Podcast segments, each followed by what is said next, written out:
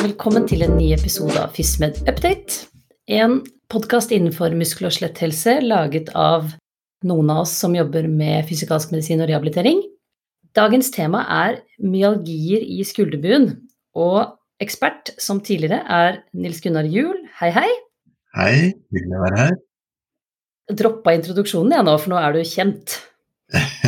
Jeg har hørt noen episoder, i hvert fall. Det er sant. Du er nå i hvert fall doktor i annen og en særs erfaren kliniker på muskel og skjelett. Mm. Men hva tenker vi på når vi sier myalgier i skulderbuen?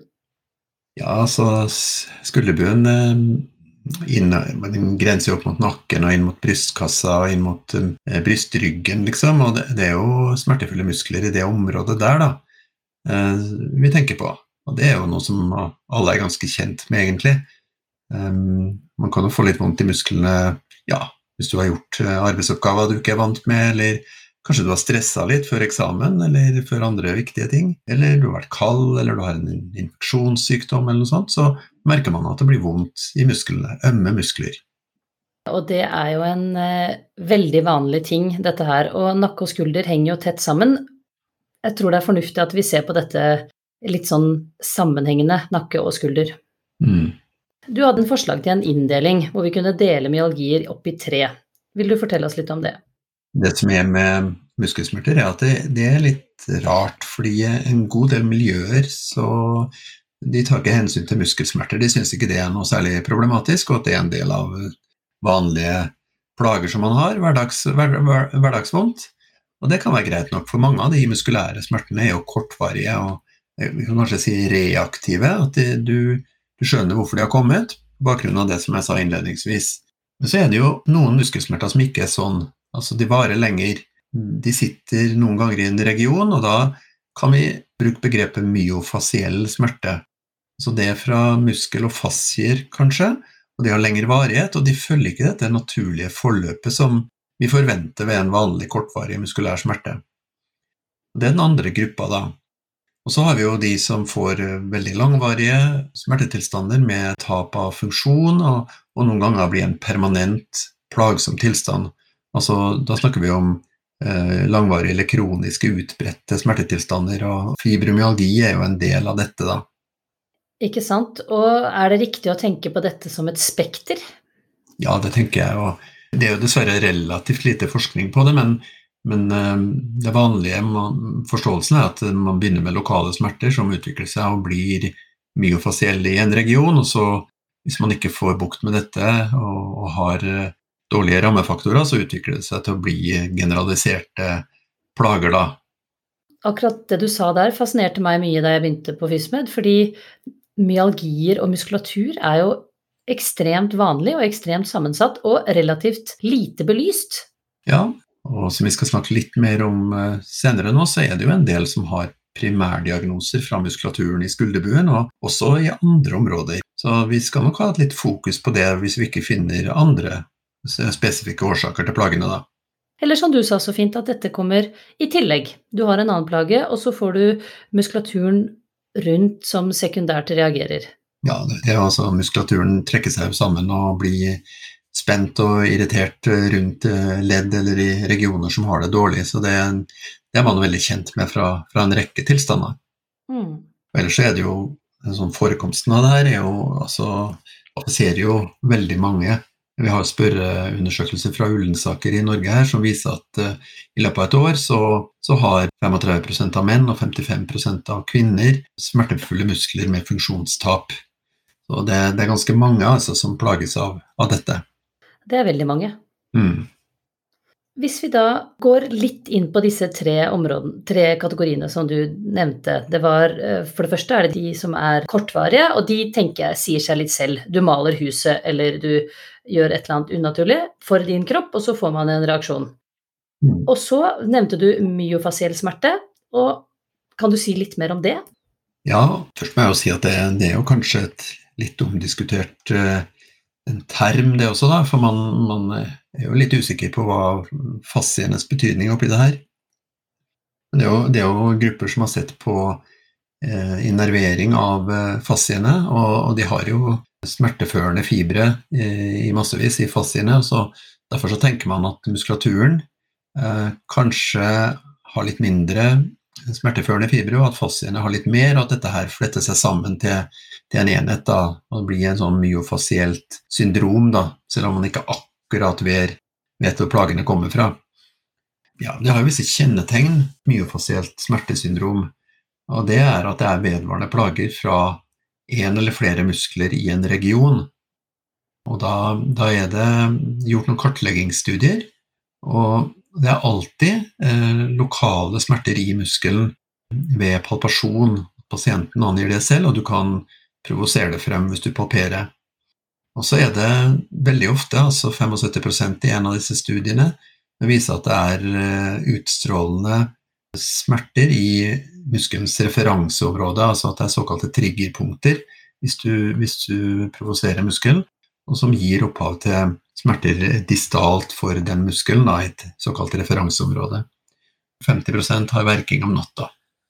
Og akkurat det med utstråling syns jeg er morsomt, for det er så lett at eh, både pasienter og og andre alltid relaterer det til nerver. Men, men, i klinikken er det jo veldig ofte at man får fremprovosert utstråling ved palpasjon, f.eks. Ja, veldig godt poeng. og Vi får jo pasienter henvist, og de har fått beskjed om at det er nok en nerve i klem. Og så har de refererte smerter fra muskulaturen, og det er veldig, veldig mye mer vanlig. Og det er klart, For at vi skal si at en nerve er affisert, så vil vi jo gjerne ha utfall fra den nerven. da, Må tap av sensibilitet eller, eller kraft eller reflekstap. ikke sant? Så, så det, det, er veldig viktig å skille de to der, Sigrid. Og det Musklene er jo egentlig et kjempestort organ. Dette her er nok, sånn som du sa innledningsvis, mer komplekst enn en hva den klassiske lærebokfremstillingen er. Mm. Men, men, over da fra til kategori tre, eller den på en måte langvarige og kroniske smertetilstander, hvis du sier litt om det òg? Ja, det er jo litt utenfor det området som jeg jobber mest med. altså Fibromyalgi og kroniske utbredte smerter har vi jo noen av på vår poliklinikk, men eh, kanskje andre eh, avdelinger har flere uh, sånne pasienter. Smertene er jo mer generaliserte, altså at de, de, er kanskje på begge sider, og de er kanskje over og under beltestedet, på en måte, så at det, det er i, i, hele kroppen og flere smerteområder.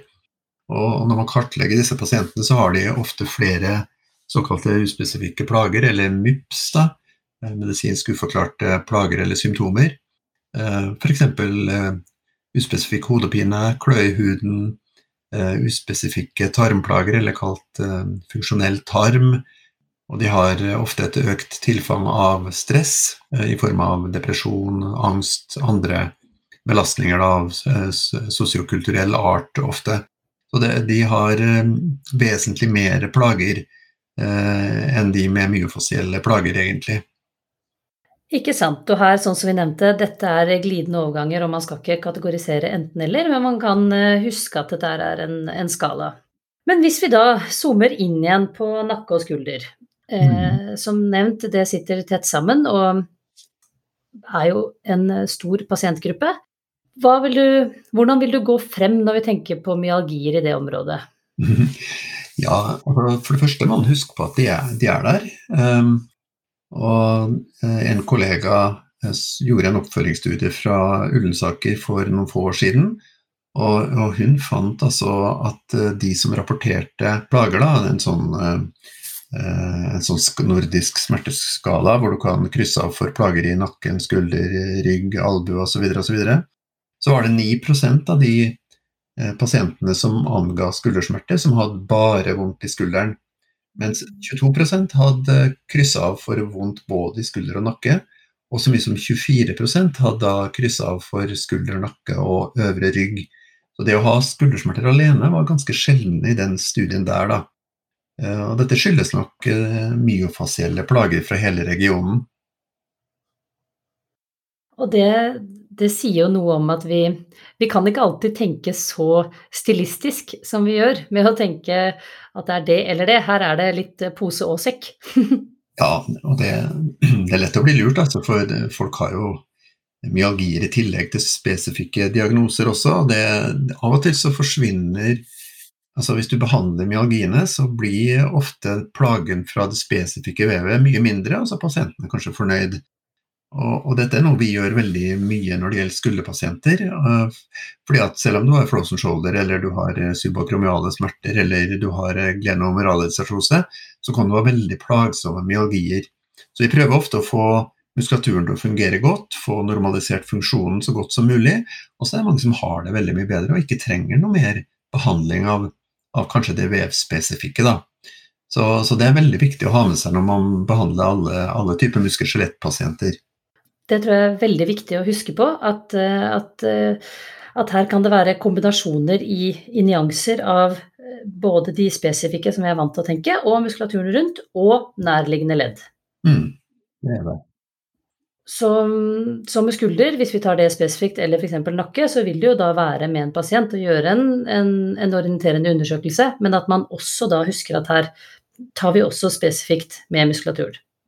Ja, vi gjorde en kartlegging av alle skulderpasientene våre ett år på vår poliklinikk. Og så, så satte vi primærdiagnoser og sekundærdiagnoser på disse pasientene.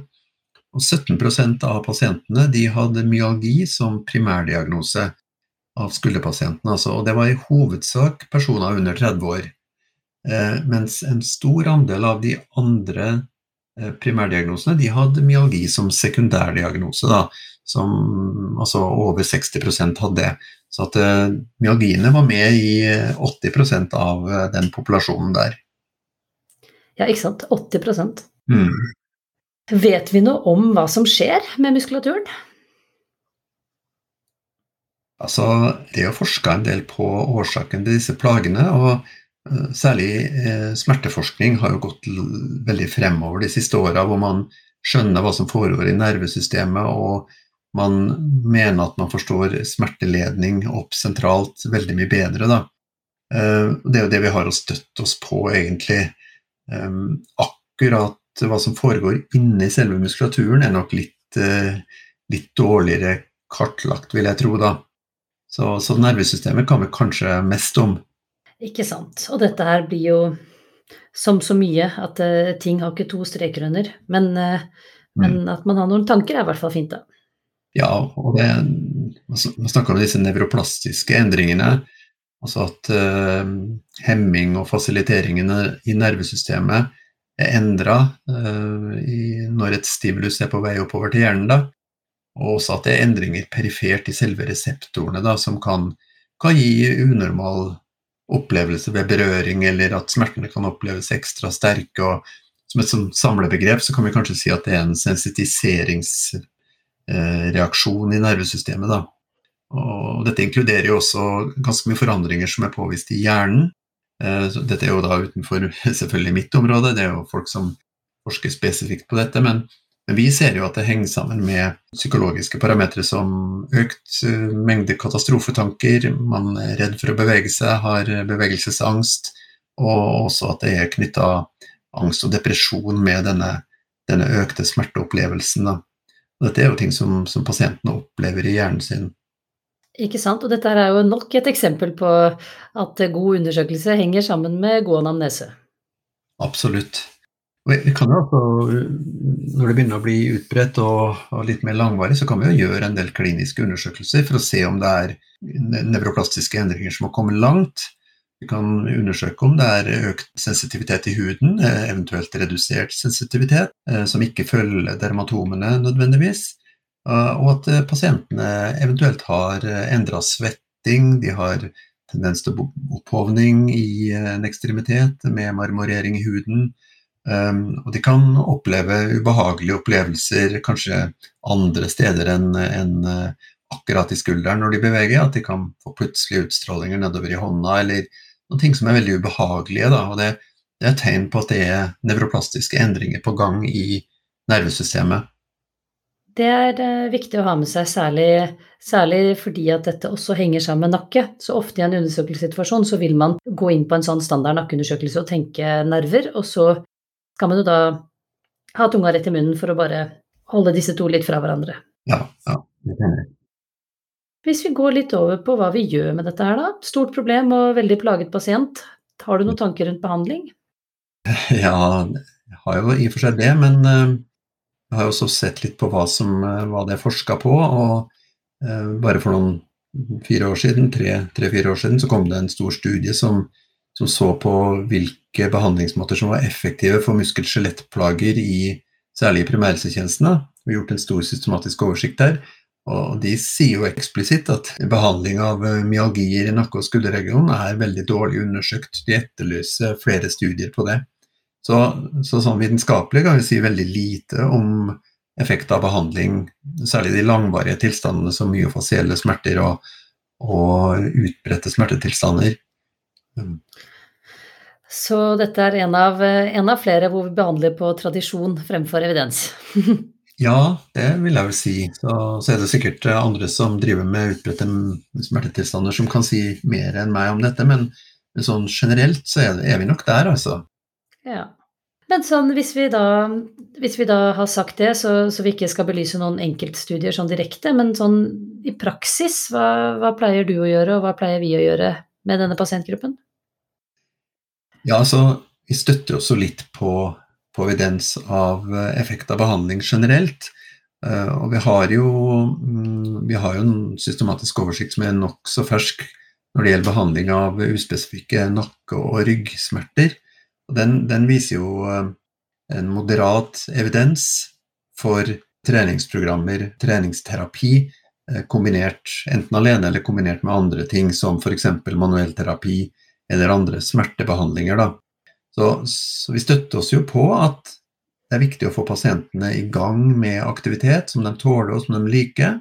Det, det er liksom et av hovedregimene um, når det gjelder den pasientgruppen der. da. Um, så jeg har, jeg har en sånn Jeg liker å gjøre det enkelt. En enkel sjel fra Trøndelag. Så jeg pleier å si at vi, vi, må prøve å enten få redusert smerten for pasienten, eller få pasienten til å akseptere at det er smertefullt. Og så må vi prøve å normalisere leddutslag og funksjon i, i regionen. Altså, nå snakker vi om skulderen, altså prøve å normalisere det. Og så prøve å trene uh, litt spesifikk uh, funksjonsretta eller utholdenhetstrening eller styrketrening. Og det er liksom grunnsmøringa eh, i behandlinga. Så kan vi eventuelt bruke medikamenter hvis det er nødvendig i tilstander som har gått veldig lenge. Ikke sant. Og, og jeg syns jo det selv om det kom fra en enkel sjel, var en god tanke om at eh, det er som alltid at starte med å, å informere og trygge og lage en base. Eh, og da er jo ofte mye gjort, hvis man får til det på en god måte. Ja. Og så trinn to på en måte dette med å komme i gang og, og skifte litt fra smerte til funksjon. Og fokusere på funksjonen. Hva, hva, har vi, og hva kan vi? Og at det er faktisk veldig mye man kan gjøre. Mm. Og så bruke litt av de der små verktøyene rundt, da. Og da sa du jo medisiner. Eh, da, da, blir vel det litt generelt, da. Men eh, hva, har du noen tanker om noe farma som du vil nevne? Ja, altså eh i smerteforskninga så er det jo flere og flere studier som viser at eh, hvis du sover dårlig, så, så har du ofte mer, mer, smerteopplevelse i løpet av dagen. Så, så det å reetablere en god søvnrytme, det, det, kan nok være veldig viktig. Og det kan gjøres på mange måter, og av og til så kan eh, kortvarig behandling med medikamenter bedre søvnrytmen, sånn at du kan få en mer naturlig søvnrytme etter hvert. Det er kortvarig, da. Når det gjelder mer langvarige smertetilstander sånn generelt, så så skal man jo være tilbakeholden med å bruke eh, medikamenter. Ehm, det som vi kanskje bruker når det er veldig mye plager, eh, så bruker vi de gamle trisykliske antidepressiva i form av Sarotex eller Surmontil f.eks., som ofte gir bedre søvn, og som for en stor andel reduserer smerteopplevelsen, så de kan gjøre, gjøre mer, da, ha bedre normal funksjon. Da. Det er klart, her snakker vi om et sentralt virkende medikament som kan gi ganske ubehagelige bivirkninger, som gjør at uh, kanskje halvparten av de jeg forsøker å behandle, de, de slutter med medikamentene. Um, så det, det er uh, kanskje de to hovedgruppene. Og så har man jo andre mer og mindre um, veldokumenterte medikamenter som uh, antiepileptika i, i, form av neurontin og lyrika, som, som, av og til kan bidra, men, men dette er jo medikamenter med mye bivirkninger også. Og, likedan med Symbalta og Tramagetic, som er preparater som kan hjelpe til med smerteopplevelsen, men jeg tror det trengs eh, mer forskning på disse preparatene. Og, og det er ikke noe man tar med inn i vanlig, vanlig praksis uten videre, tenker jeg. Streng indikasjon for bruk. og aldri uten de generelle tiltakene. Ikke sant, og at dette, Det er viktig å huske at disse medikamentene kurerer ikke tilstanden. Dette er et lite verktøy for å prøve å få i gang aktivitet og funksjon, for å så prøve å hjelpe på totalbildet. Så dette er på en måte et lite verktøy i kassa, bare. Eventuelt. Ja, ja helt enig. Absolutt, altså.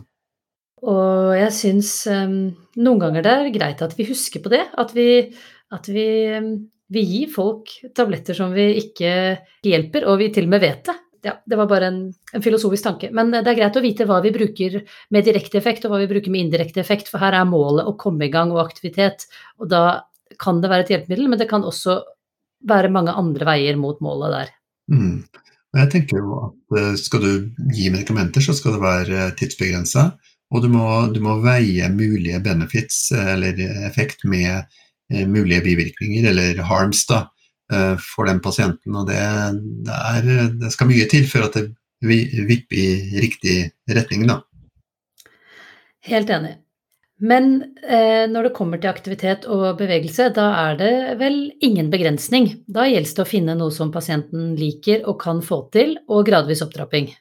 Ja, ja og det, det er klart, I starten når det gjelder skulderbuemyalgiene, så kan jo de noen ganger sitte i spesielle muskler, sånn som infraspinatus f.eks., eller subscapularis, som er musklene er eh, veldig smertefulle. Og, og, av og til så må du til med tøyninger eller lokalbehandling av de musklene litt i starten av en behandling, men så er man raskt over på funksjonelle øvelser, og gjerne helkroppsøvelser også.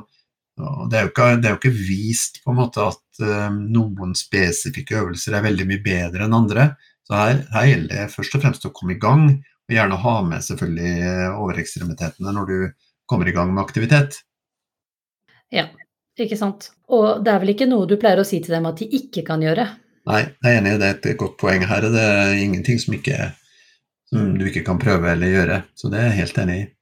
Ja, som Åge Inndal har sagt i sine, så må du finne ut hva de liker, og så må du prøve å stimulere til at de tar tilbake den aktiviteten som folk liker sjøl. Så det, det, er ofte veldig viktig, for da, da, gjør faktisk folk det. Det er veldig sant. Og som du sa, en, en god manuellterapeut som ofte kan være både faglig flink, men også kan jo dette være en gruppe, særlig hvis det er langvarig, eh, som også liker litt oppfølging. Og da kan jo en god manuellterapeut over, over noen kontroller ofte være et, et godt hjelpemiddel, da. Ja, det kan det være. Har du noen tanker om prognose? Ja, for de kortvarige tilstandene så er det jo god prognose, så det, det er jo veldig bra. Når det gjelder sånn gode eh, prognostiske studier, så har ikke jeg sett egentlig noen studier av det. Vi har disse studiene fra Ullensaker som viser at eh, har du først begynt å få smerter, så, så har du smerter videre, liksom. Man kan jo tenke at det kan være en, noe genetisk eller familiær disposisjon på en eller annen måte. Det er ganske lite vi vet om sånn, prognosen sånn vitenskapelig. da. Når muskelsmertene har satt seg skikkelig fast, så, så, er det jo, og er utbredte, så er det jo vanskelig med prognose. Da er det jo ofte litt dårlig prognose for disse pasientene sånn for å bli eh, smertefrie. Ja, men det er verdt et forsøk med denne tankegangen her, fordi eh, det er nå i hvert fall Forutenom det vi nevnte med medisiner, så er jo det med informasjon og trygging og komme i gang og fokus på funksjon kan ikke skade. Det kan ikke skade også. Kanskje du kan hjelpe pasienten til å rydde opp i en del andre faktorer som du ser, da, hvis du, hvis du går inn og ser på mulige negative prediktorer som komorbiditet i forbindelse med angst og depresjon, stress, katastrofetanker, at du kan bidra til å hjelpe pasienten der, søvnproblemer osv. Så, videre, så at livet blir lettere for den pasienten som har mye myalgier. da. Mm, godt sagt. Hva syns du fastlegen skal gjøre? Altså, en interessert fastlege kan egentlig gjøre all behandling med disse uh, ulike typene muskelsmerter, syns jeg. da. Det, det, kommer jo litt an på, på, interessen og om du har noen gode samarbeidspartnere eh, blant fysioterapeutene, f.eks., vil jeg si. Enig. Hvis man eventuelt skal henvise, hva tenker du om det? Jo, jeg, tenker jo at eh, man skal sjøl, altså som fastlege da, særlig, altså gjøre en god undersøkelse. Um, få klarhet i om det foreligger andre tilstander, altså differensialdiagnostikk, og prøve å oppmuntre og behandle så godt man kan over en periode på tre-fire måneder. Følge opp i forhold til arbeid, Nav, og vurdere om det foreligger behov for psykolog. Og hvis dette her ikke fører til bedring, så er det absolutt grunn til å henvise til altså enten en fysioterapeut, men kanskje helst en spesialavdeling som kan støtte videre behandling, da. Og ikke sant. Og så at det er lov også for en, for en second opinion og litt hjelp i en ofte kompleks problemstilling, da. Ja, og jeg tenker jo at eh, det er der eh, fastlegene godt kan bruke spesialisthelsetjenesten for, for, å få hjelp til å behandle pasienten videre, da. Og kanskje pinpointe litt av de tilleggsbelastningene som en del av disse pasientene har. Kanskje også få hjelp til eh, å vurdere behovet for medikamentell behandling eller ikke behov for medikamentell behandling. Og da avslutningsvis ledende spørsmål. Nå har vi jo ikke snakket om billeddiagnostikk, og det er vel kanskje fordi du tenker at ikke det er på sin plass? Eh, nei, altså Det er jo differensialdiagnostisk, og da må vi i så fall eh, mistenke andre årsaker til, til plagene, da. Det er jo typiske radikulopatier i nakken. Eh, det kan være selvfølgelig traumer mot skulderen som gjør at du vil ha billeddiagnostikk i skulderen. Det kan være at du må gjøre, ta blodprøver for å se på lever- og nyrefunksjon, f.eks. rheumatologiske prøver. Men, men sånn generelt så er det veldig lite behov for supplerende undersøkelser hvis du gjør en god klinisk undersøkelse av muskulaturen i regionen. Godt sagt. Utelukke andre ting, altså jobbe seg gjennom differensialdiagnostisk liste. Og så om det er myalgier primært eller sekundært, så trenger ikke myalgiene i seg selv noe bilde. Nei, absolutt ikke.